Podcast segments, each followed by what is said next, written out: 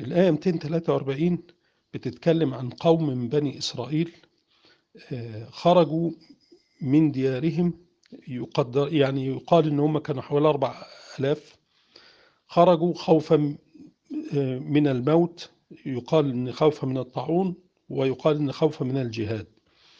فهؤلاء الناس فروا من قدر الله فأراد الله أن يجعلهم أن يجعلهم عبرة فأماتهم ثم أحياهم آه، ليكون درسا لهم ولنا بأن لا فرار من قدر الله.